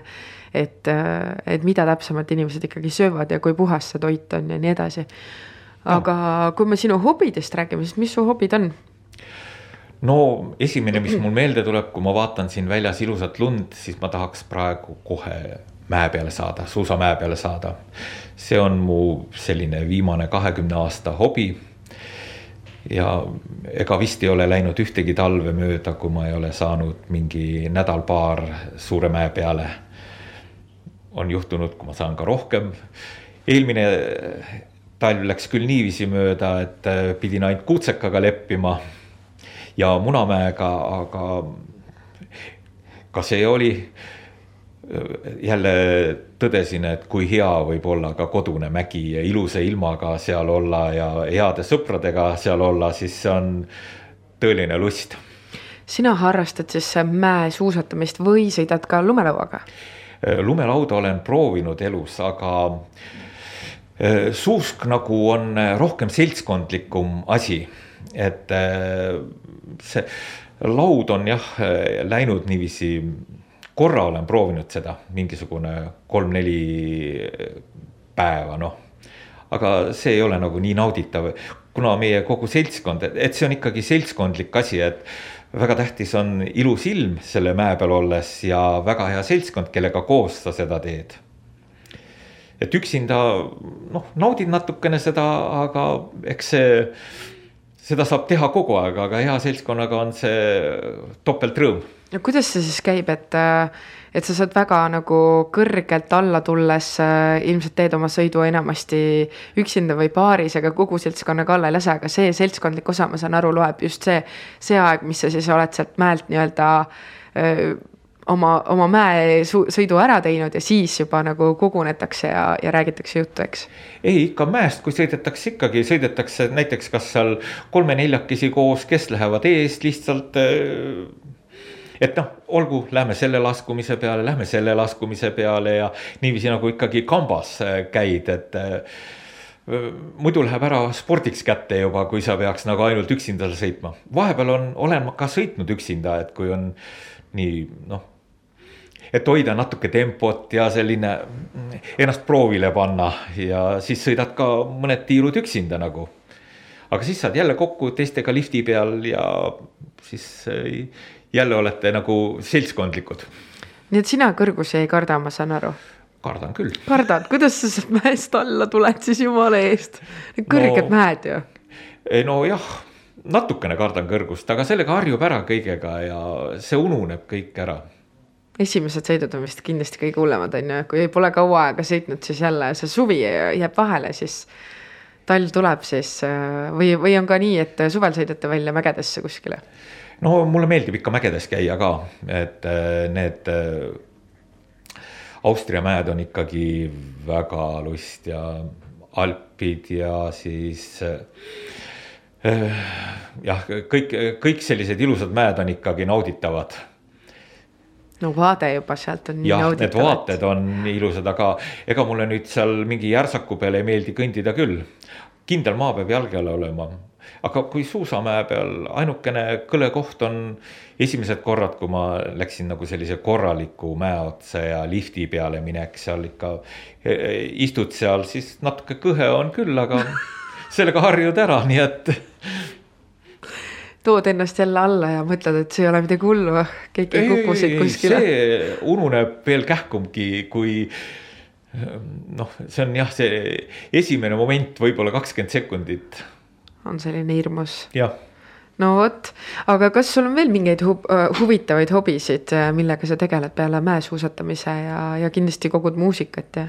ja muusika kogumine on äh, ja muusika kuulamine ja, ja ennem oligi just nagu sellest lemmikloost juttu, et ma ei oskagi öelda, et too, tuua välja üks lemmiklugu, et kui ma muusikat kuulan, ma lähen plaadiriiuli ette, vaatan sealt, et mis mulle see moment just meeldib. Leian leian ühe plaadi, kuulan seda, kuulan teist, kolmandat.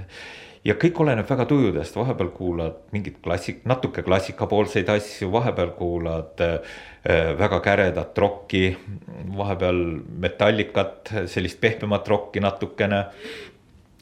ja siis ka diskot ja et kõik on täpselt vastavalt äh, tujule. vastavalt tujule, vastavalt olukorrale aga kuulad äh, muusikat peamiselt õhtul, keskpäeval, päeval, klappidest või ilma? Ma kuulan äh, klappidest väga harva. pigem maja müriseb. jah, mul on garaažis selline muusika kuulamise koht olemas, kuulan seal, vahepeal ka korteris. mul on selline üks korter, seal on ka selline muusika kuulamise võimalus see korteris, see on väga huvitav, sul on seal vist oma mingi tehnikaladu, nagu ma olen aru saanud. jah, seal on, et ma olen, üks selline hobi on, et äh, ma vean ju vinüülplaate Rootsist ja korjan vinüülplaate. ja siis ma olen nagu, nagu need sinna vedanud. ja siis äh, ka pakun neid sõpradele, et ega see on väga tõusev trend praegu, et kuulata ja korjata vinüüle, siis ma aitan neid selles kaasa ahah, oi nii, nii.. et see muusika on nagu igas asendis selline suur hobi. ja siis selline järgmine hobi on või selline, kui juba ette minna tulevikuplaani peale, ma tahan teha, ma korjan äh, kaasaskantavaid äh, stereosid eh, ehk sangasid, nõndanimetatud ja need, mis jäävad ikka sinna eelmisesse sajandisse. Suured kolakad, millega kõndisid mustanahalised tüübid kunagi ringi õla peal ja kuulasid tümmi. ja vot neid selliseid kaasaskantavaid boombox'e korjan ja ma tahan nendest teha muuseumit. et alged on olemas, aga selline aja jagamisega on natukene probleeme, et ma ei ole jõudnud sellega veel väga põhjalikult tegeleda see on väga huvitav idee, kas sa teeksid selle muuseumi kuskile meie piirkonda? no kindlasti, kõigepealt on ta mul garaažis, praegu on nad seal reas kõik. et auto ei ole nagu garaaži jupp aega sisse mahtunud. et äh, kõik on sellist äh, boombox'e täis, aga et neid ka kunagi eksponeerida ja siis äh, sõprade ees äh, sõpradega, ma tean, Eesti peal on neid veel selliseid kollektsionääre, kes neid korjavad, et nendega noh, kokku saada ja. muidu maailmas tehakse, ka Euroopas tehakse kokkutulekuid lausa nendele, kus ka tulevad nagu turu peale välja. mehed laotavad oma need ilusad boombox'id eh, muru peale laiali ja siis eh, sõbrad käivad ja huvilised käivad ja vaatavad ümber, nii nagu on näiteks vanade autode näitused või noh mind huvitab, kas need boombox'id töötavad ka või? no ütleme niiviisi, et eks aeg tee nende kallal omal tööd aga, aga üheksakümmend protsenti kindlasti töötavad mm. -hmm. aga noh, ega ma neid kõiki kuulata ei jõua nüüd, et nad ja neid korras hoida, et aeg teeb nende kallal kogu aeg vaikselt äh, tööd, et kummitetailid vananevad äh, ja üks moment ta töötab ja võib-olla juba seal kahe aasta pärast ta enam ei tööta, tahab noh, ülevaatamist saada jälle. ahah, nii et äh, selline huvitav, huvitav hobi. jah, kas sul on veel mingeid hobisid, millest äh, me peaksime teadma või kuulajaid informeerima? ahah, mingeid kiikse näiteks, mingeid selliseid, noh, tegelikult see boombox'i kogumine on päris juba selline huvitav hobi. et aga kas sa veel midagi kogud? marke kogud? Olen kogunud Münte. kunagi. aga ma ei mäletagi, see kunagi sai lapsele see margikogu. aga ma ei teagi, kus see on või mis see on. aga noh, see on jah, märke olen kogunud, marke olen kogunud. Neid purke, õllepurke, õllepurke ei ole kogunud. kilekotte, tikutopse. ei neid jah, vist ei ole Ei ah, kunagi kogusin äh, sigarette. Tohoh, need on need päris, need päris sigarid. sigaretipakke jah, kogusin. see oli, see jääb ka sinna, hakkasin seda koguma tehnikumi ajal. siis ma ise mingil ajal tegin suitsu küll, ikka on vaja ju järgi proovida kõik asjad ja. aga see tubakakogu ka siis äh, minu sõbrad suitsetajad äh, proovisid selle mingil ajal ära. aga nüüd ma avastasin, et äh, ka sauna peal on no üks neli-viiskümmend pakki on veel järgi selliseid nõukogudeaegseid asju väga huvitav, need on kindlasti väga rariteetsed ja hinnalised praegu, ma arvan, kui ostasse müüki panna, saaks päris hea raha. nojah, aga ma arvan, et võib-olla jälle, kui, kuigi jah, väga väheseks on jäänud mul suitsetavast, suitsetajaid sõpru. et kui mõni tuleb jälle, proovib järgi, et mis ta siis on. nojah, siis on vähemalt õnnelikud sõbrad saavad, saavad proovida. Aga kuulame äh, siia vahele ühe loo ja siis juba tõmbame äh, saate lõppu äh, kokkupoole. mul on veel mõned küsimused sulle ette valmistatud ja siis juba saame selle saate ka lõpule viia. aga millist lugu me nüüd sinu siis sellisest lemmikute repertuaarist võiks kuulata? nii üks viimane bänd, kelle ma avastasin nagu, keda ma olen ka kuulanud. nüüd enne koroonat suvel või see suvi jah, sai ostetud tema vinüül, leitud üle pika aja. aga kes teab midagi Mongoolia rokkmuusikast? ei tea no mina suudan nüüd ühte bändi vähemalt nimetada ja suudan veel mõnda. ma olen veel mõnda kuulnud, aga näiteks selline bänd nagu The Who. ja Yo Yo Yo on nende üks selline lugu, mis tasub kuulamist. kuulame seda lugu. Kom on,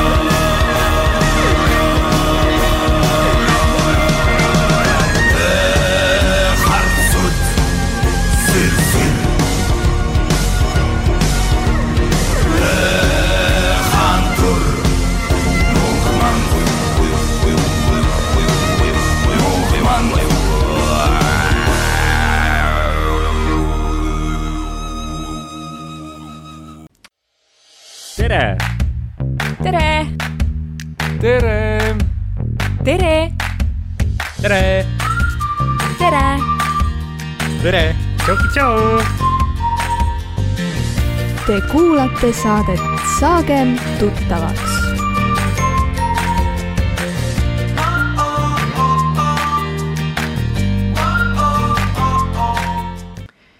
Te kuulate saadet Saagem tuttavaks, saates on külaliseks Jüri Salu ning saatejuhiks Sirli Pippar. Jüri, kuidas sa kogu aeg nii rõõmsameelne oled? aga elu ongi ju rõõmus, me elame enda elu, see on minu elu. sellest tulebki rõõmsana läbi minna see on see mõte, mis sind elus edasi kannab, ma saan aru. ja Ehk naeratus mis- viib alati edasi, see mornolek on ikka jah, eks ma ikka mõnikord olen morn ka ja väsinud ja, aga proovin olla ikka alati rõõmsameelne. ja mina sind ei mäleta igatahes morni ja, ja sellise öö, tujutu inimesena ega ei ole vist ka oma sellise muusika ajaloo järgi mäletanud kunagi, et sa oleksid millegi peale läinud pahaseks või, või oleks tõstnud häält või kui sa seal näiteks kammersaalis oled meile heli teinud, siis äh, alati saab, kõike saab ja ikka saab. kas sa oled terve elu selline rõõmsameelne olnud? no ma ei tea, eks seda oskavad teised öelda, aga ma arvan ikka, et ma olen rohkem rõõmsameelne olnud ja mul ei tule selliseid momente ette või neid ei ole vaja mäletada sel juhul, isegi kui nad meelde tulevad sa oled äh, nii isa kui ka vanaisa, kuidas sa ennast äh, nendes äh, rollides kirjeldad ja kuidas sa ennast nendes rollides tunned? Ma arvan, et vana, ma olen kõigile öelnud, et vanaisa on oluliselt parem olla kui isa. ongi jah? isa juures on kohustusi palju, isa oled sa ju kakskümmend neli, seitse. aga vanaisa on see, et ma saan ikkagi natukene valida. Aga need rollid on mõlemad, ma arvan, elus ühed tähtsamad. ja lõbusamad ja ilusamad ja sa oled ise väga hästi ütlesid praegu lõbus just äh, välja, et, et äh, kuidas sa ennast äh, kirjeldad või, või vaatad seda vanaisa rolli, et äh, sa ilmselt ei keela oma lapselapsi kunagi kindlasti on ju, ei ole väga selline karm vanaisa, et pigem, pigem muhe ja lõbus.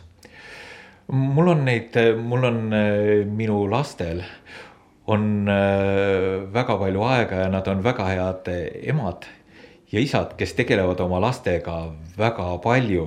nii et äh, ega ma ei olegi saanud väga palju vanaisa olla, ma olen ju nii noor alles ise veel, et äh, on endal vaja ju ringi kepsutada, et ma tegelikult, ma arvan, et ma olen liiga vähe veel vanaisa et tahaks nagu rohkem olla, aga okei okay.. Kui ahju peale lähen kunagi istuma, võib-olla siis on lastelaste jaoks veel rohkem aega. ma saan aru, et väga ei äh, tooda hoida niimoodi sunniviisiliselt, et võta nüüd vanaisa, tegelege lastega ja ei, mul lapsed kasvatavad oma lapsed kõik väga hästi ise ja nad saavad sellega väga ilusasti hakkama ja ütleme niiviisi, et ikka kõige tähtsam on lapse jaoks alati tema ema-isa ja kui ema-isa talle ikka väga palju aega pühendab, siis on see väga, väga hea, see on puhas rõõm ainult kui palju sina läbi sellise oma tormilise karjääri oled saanud oma lastele pühendada aega? no ikka. Ega ju maandud alati ju koju. et on küll oldud äh, ära üsna palju siit väljas, aga kui oled kodus, siis ikka tuleb oma lastega koos olla seda ja see on alati kvaliteetaeg kas teil on ka mingit sellist, mingit sellist ühist äh, noh, kuidas siis öeldakse, selline ühine asi, mida te koos teete alati lastega? No jõulul jõuavad nad kõik alati kohale ja nüüd jõulud oleme ikka plaaninud, aga kas nüüd midagi kohe nagu, mis oleks selline traditsioon. ei oskagi välja tuua, kui on võimalus, oleme alati koos. Lähme üksteisele külla, kui ma satun Tartusse, kuna need lapsed on mul, kes äh, Tallinnas, kes Tartus ja satume kokku, kui on võimalus, alati veedame koos aega et see on peamine ikkagi lastega koos olla ja aega veeta koos. Aga ma mõtlen viimasel ajal, kuna kõigil on enda elud ja nad ikkagi peaksid elama enda elusid, et lapsed on meie elus külalised. et ma ei peaks neid eriti palju äh, nagu kasvatama enam praegu, nendel on oma tööd, et nad peaksid kasvatama enda lapsi väga hästi ja olema nendega rohkem koos, et äh, minu meelest sa ütlesid enne nii hästi, et äh, mulle kohe nagu, sa võtsid kohe selle niimoodi kokku, et et kui sinu laps saab lapse, siis äh, põhimõtteliselt äh, ta ongi juba sinu kaelast ära, on ju. et kui siis sa saad juba vanaisaks ja, ja vanaisa roll on lihtsam ja just niimoodi ongi, et et kui laps saab lapse, siis põhimõtteliselt ta läheb oma elu peale ja, ja seal sinu roll selles mõttes, heas mõttes lõpeb. See on väga hästi kokku võetud tegelikult. jah aga kuidas sul, ähm, sa enne korraks mainisid ka tulevikku, tulevikuplaane. Ähm, lapsed, lapselapsed on sul eraldi teistes linnades, kuidas sinu tulevikuplaanid on, kas sa näed ennast pigem Tõrvas äh, vanaduspõlve veetmas või on sul mingisugused erilised unistused? sihtmärgid, mida sa peaksid veel vallutama, kuidas sa oled mõelnud tuleviku peale? mina ei saagi vanaks ei saagi vanaks, väga hästi. ei, aga kindlasti ma näen oma tulevikku Tõrvas sest sellist fantastilist linna ma olen maailmas näinud päris palju. on ajutisi selliseid peatuspaiku olnud väga palju. aga kui sa saad oma Tõrvasse tagasi, siis ma naudin seda elu siin, mis siin saab ilusamat olla igast Tõrva punktist viie minuti kaugusel on äh, puhas loodus, vaikne loodus, mets. saad sinna jalutama minna kõik eluks vajalik on ju käe-jala juures. selline pisikene vaikne linnakene, kus ei ole sagimist nii palju, et paned oma, jõuad oma krundi peale, oledki täpselt omakestis nagu vanajumala selja taga.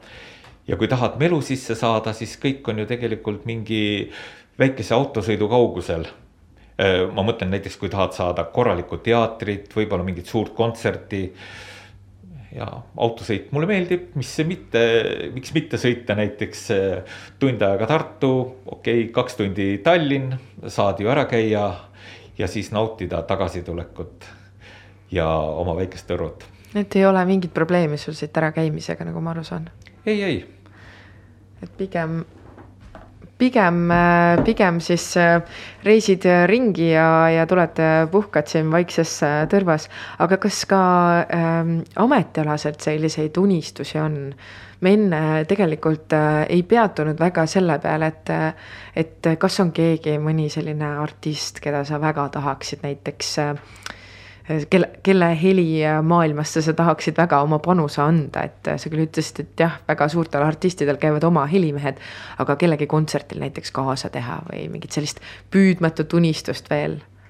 me ikka sõpradega üsna tihti mõtleme, et näiteks see, et mis antakse meile nagu ette, see, et kellele heli teha, et sellest ei olegi nagu unistust, et teen seda, mis ette tuleb. teen aga et mida kontserti laivis ise nautida et seda me mõtleme väga tihti, näiteks üks viimane, keda ma mõtlesin, kelle kontserdile tahaks minna, oli San Michel Sarre. ja sellele vist sai mingi paar aastat tagasi sai käidud tema kontserdil. aga siis ja ma eile mõtlesin ka, et kelle kontserdile näiteks minna aga väga ei suudagi nagu välja mõelda, et tänapäevaseid artiste, et nendest ma nii väga lugu ei pea. ja kõik need eh, minuaegsed eh, sellised menubändid, et need on juba nii palju vanaks saanud, et eh, mis ma neid vanakesi ikka seal vaatan. ja ei taha oma mälestust rikkuda, on ju. jah, aga nad on kindlasti kõik väga head muusikud et võib-olla läheksin vaatama hea meelega näiteks Taestratsi. kui ta nagu teeb midagi ja noh, Pink Floydist nagu ei ole eriti suurt midagi järgi, et võib-olla ka läks teda vaatama. David Gilmore'i näiteks, et need on kindlasti ilusad suured show'd. ja aga keda veel, noh, Eesti artid, artistidest äh, on mul kõik nähtud, kõigiga ma juhtun ikkagi töö juures kunagi kuskil kokku, kõik ma nad ära vaatan. et selliseid ületamatuid artiste väga ei ole. jah, et see, mis elu ette toob, need just, et äh, neid võib ju vaadata. aga kui vaadata nüüd sellest äh, töömaailmast väljapoole, et kas sul on ka mõningaid selliseid noh, näiteks see Boomboxi muuseumi tegemine, see on ju väga äge idee, on ju, selline, mis otseselt ei ole nagu, mis on sinu hobi, aga kas ka selliseid muid, muid eesmärke, suuri unistusi tuleb ette? vahepeal on ikka kuna minu haridus on ju tehnikaalane ja siis oli meil siin äh, tõsine plaan teha Tõrvas laadaklubi, kus on kõik laadamehed koos, sigulimehed kunagised või nõndanimetatud siguli ja mul on üks selline sigulikene, millega ma vahepeal sõidan ringi. selline nostalgialaks, ilus. Ja mulle ju tehnikaga meeldib ka tegeleda et ega see ainult helitehnika või siis ka näiteks ma olen ju õppinud tehnikmehaanikuks, et ka sellega saan hakkama ja siis selle Laada ju tahaks seda saada ja selline nostalgialaks täiega nii et Laada klubi tuleb, tuleb ära teha. et tuleb ära teha jah, ei, me oleme juba ikka paar korda kokku saanud ka siin. ja oleme mõned sõidud ka koos teinud ära. näiteks kui oli äh, aa, Tõrva linna, mis päevad siin olid, siis oli näiteks ta, äh, Tõrva laadaklubi esimene sõit, kes vedas seda tuld, näiteks äh, Mulgi peotuld. Äh, siis oli, see oli, kes saatis seda, oli Tõrva laadaklubi. meil küll ei ole juriidilist keha veel olemas, aga on ütleme, et tahe on olemas ja huvilised on olemas, see on ju kõige tähtsam. muidugi, palju ja. autosid sinna kuulub, siis olete kokku lugenud ka? tead, ei ole, meil ei ole veel sellist kindlat asja, aga ma arvan, et sinna tuleb mingisugune paar-kolmkümmend äh, tüüpi kokku küll. no nii, see on juba tegelikult väga-väga suur äh, arv. jah, ja nii et sellised äh, Laada klubi mõtted. kas äh, veel on midagi, mis äh, peaks siia saatesse jääma kõlama, mida sa tahaksid inimestega jagada? mingisuguseid tohutuid ähm, elumõtteid, tegelikult on neid ka siin saatest juba läbi käinud. aga selliseid äh,, noh, ma mõtlen nii, et sa oled ise hästi rõõmsameelne inimene ja see on natukene ebatavaline Tõrva mõistes ja, aga samas sulle, sa ütlesid, et sulle Tõrva väga meeldib. et võib-olla siis selline öö, kuidagi mingi nõuanne inimestele, kuidas saada hakkama selle negatiivsusega, selle kogu situatsiooniga, mis meil praegu tegelikult on, meid on hästi palju inimestest eraldatud, hoidke vahet, hoidke distantsi. kuidas, kuidas sina võib-olla oma soovitused paneksid inimestele teele, et, et sa oled hästi palju sõpru maininud, teadupärast ilmselt oma sõpradega kuidagi ikkagi suhtlete. et kuidas seda teha, kuidas minna ikkagi läbi elu sellise ilma negatiivse foonita, et äh, võib-olla mõned soovitused siit inimestele? ma ei teagi, vaata, me oleme tulnud, ma arvan, et ma olen ise ka tulnud sügavast nõukogude ajast siia. et sealt oli kaasas selline natukene mornimeelsus ja ma olen väga pikka aega käinud Rootsi vahet. küll seal natukene tööd tehes ja ma naudin ka praegu seal käimist ja sealsed inimesed on hoopis rõõmsamad ja et võib-olla on sealt see nagu kaasa tulnud, et kuule. oled sa näiteks seal ühes väikses külas, kui sa jalutad seal kaks hommikut tiiru peale. siis kõik inimesed tulevad, naeratavad sulle vastu, kõik tervitavad sulle vastu. Aga kas Tõrva peal ei ole nii, aga see võiks muutuda, on ju? jah, see võiks kindlasti olla niiviisi, et kuigi kui ma kõnnin ka Tõrva peal, võib-olla noh, kes vana asja küll meelde tuletab, aga võib-olla sellel nõukogude ajal olid kõik nagu mornid, et meil ju midagi ei olnud ja kõik oli vilets. ja, aga praegu on nagu ju kõik olemas ja ma näen ka seda, et ka meie hulgas on ikka väga palju naeratavaid inimesed, et ei ole see enam, et me oleme Äh, igavad äh, vihased Nõukogude inimesed, et me oleme ju rõõmsad. see on, rõõmusolek viib meid alati edasi. sa ütled väga hästi, võtsid selle kokku, et meil on ju kõik olemas ja tegelikult võib-olla see ongi üks asi, mida sinult õppida, et, et mulle vähemalt tundub, et sa oled väga vähesega nõus ja samas, kui on näha, et meil on kõik olemas, siis polegi millegi üle nagu kurb olla. jah, jah, seda küll, mulle ikka meeldib öelda seda, et eh, mis inimesel eluks on tarvis. kui tal on soe tuba, natukene süüa ka et kõik, mis ülejääk tuleb, on ju puhas rõõm ainult. Ja meile ju tuleb, meil on kõigil ju kõhud täis näo või ja suuremalt jaolt me oleme ikkagi soojas toas ka. et siis tunneme rõõmu sellest ju. tunneme veel enne, kui me saate täitsa kokku tõmbame, võtame siia saate lõppu ka ühe loo, mis jääb mängima pärast seda, kui me siin oma jutuosa lõpetame, mis lugu see võib olla? või õigemini, kes artistidest võtaks? nii, ma olen ära unustanud nagu sellise bändi, kellega minu nagu helitehniku töö alguse sai. see on ansambel String, kuna Stringist ei ole meil midagi, siis me võiksime mängida sellist lugu, mis on nagu Stringist natuke edasi arenenud, ansambel Nööp. ja selline lugu, ilus lugu nagu Metsroosid kes on, mis on tehtud äh, minu kunagise naabrimehe poolt. Väga armas. ja, ja tervitused Mairole. tervitame aga sulle, Jüri väga,, väga-väga suured tänud, et sa täna leidsid aega, et minuga siin Saagem tuttavaks saates vestelda ja loomulikult kuulajateni oma elulugu ikkagi tuua. ma väga-väga tänan sind selle eest, nii et suur aitäh. aitäh Kutsumast. ja loomulikult soovin nii sulle kui ka Margisele ilusat aasta lõppu ja palju-palju tervist. aitäh.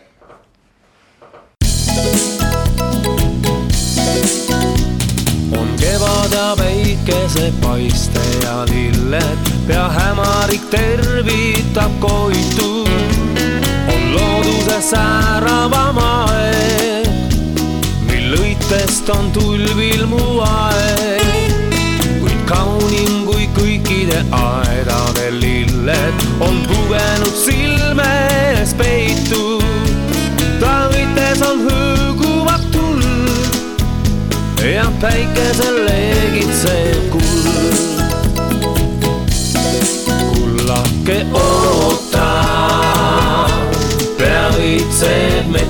metsik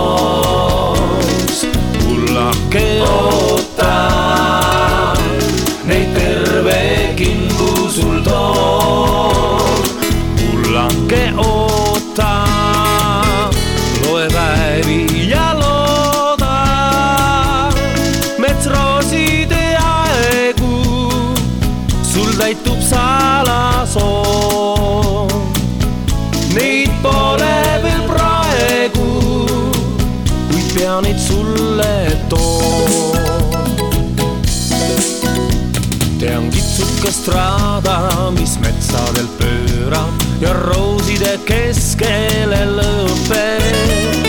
kord sinuga sinna ma lähen, kus tuhandeid roose sa näed.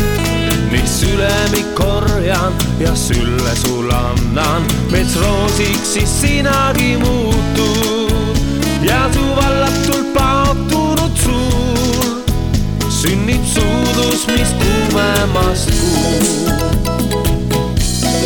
kullake oota, pea õitseb metsik roos.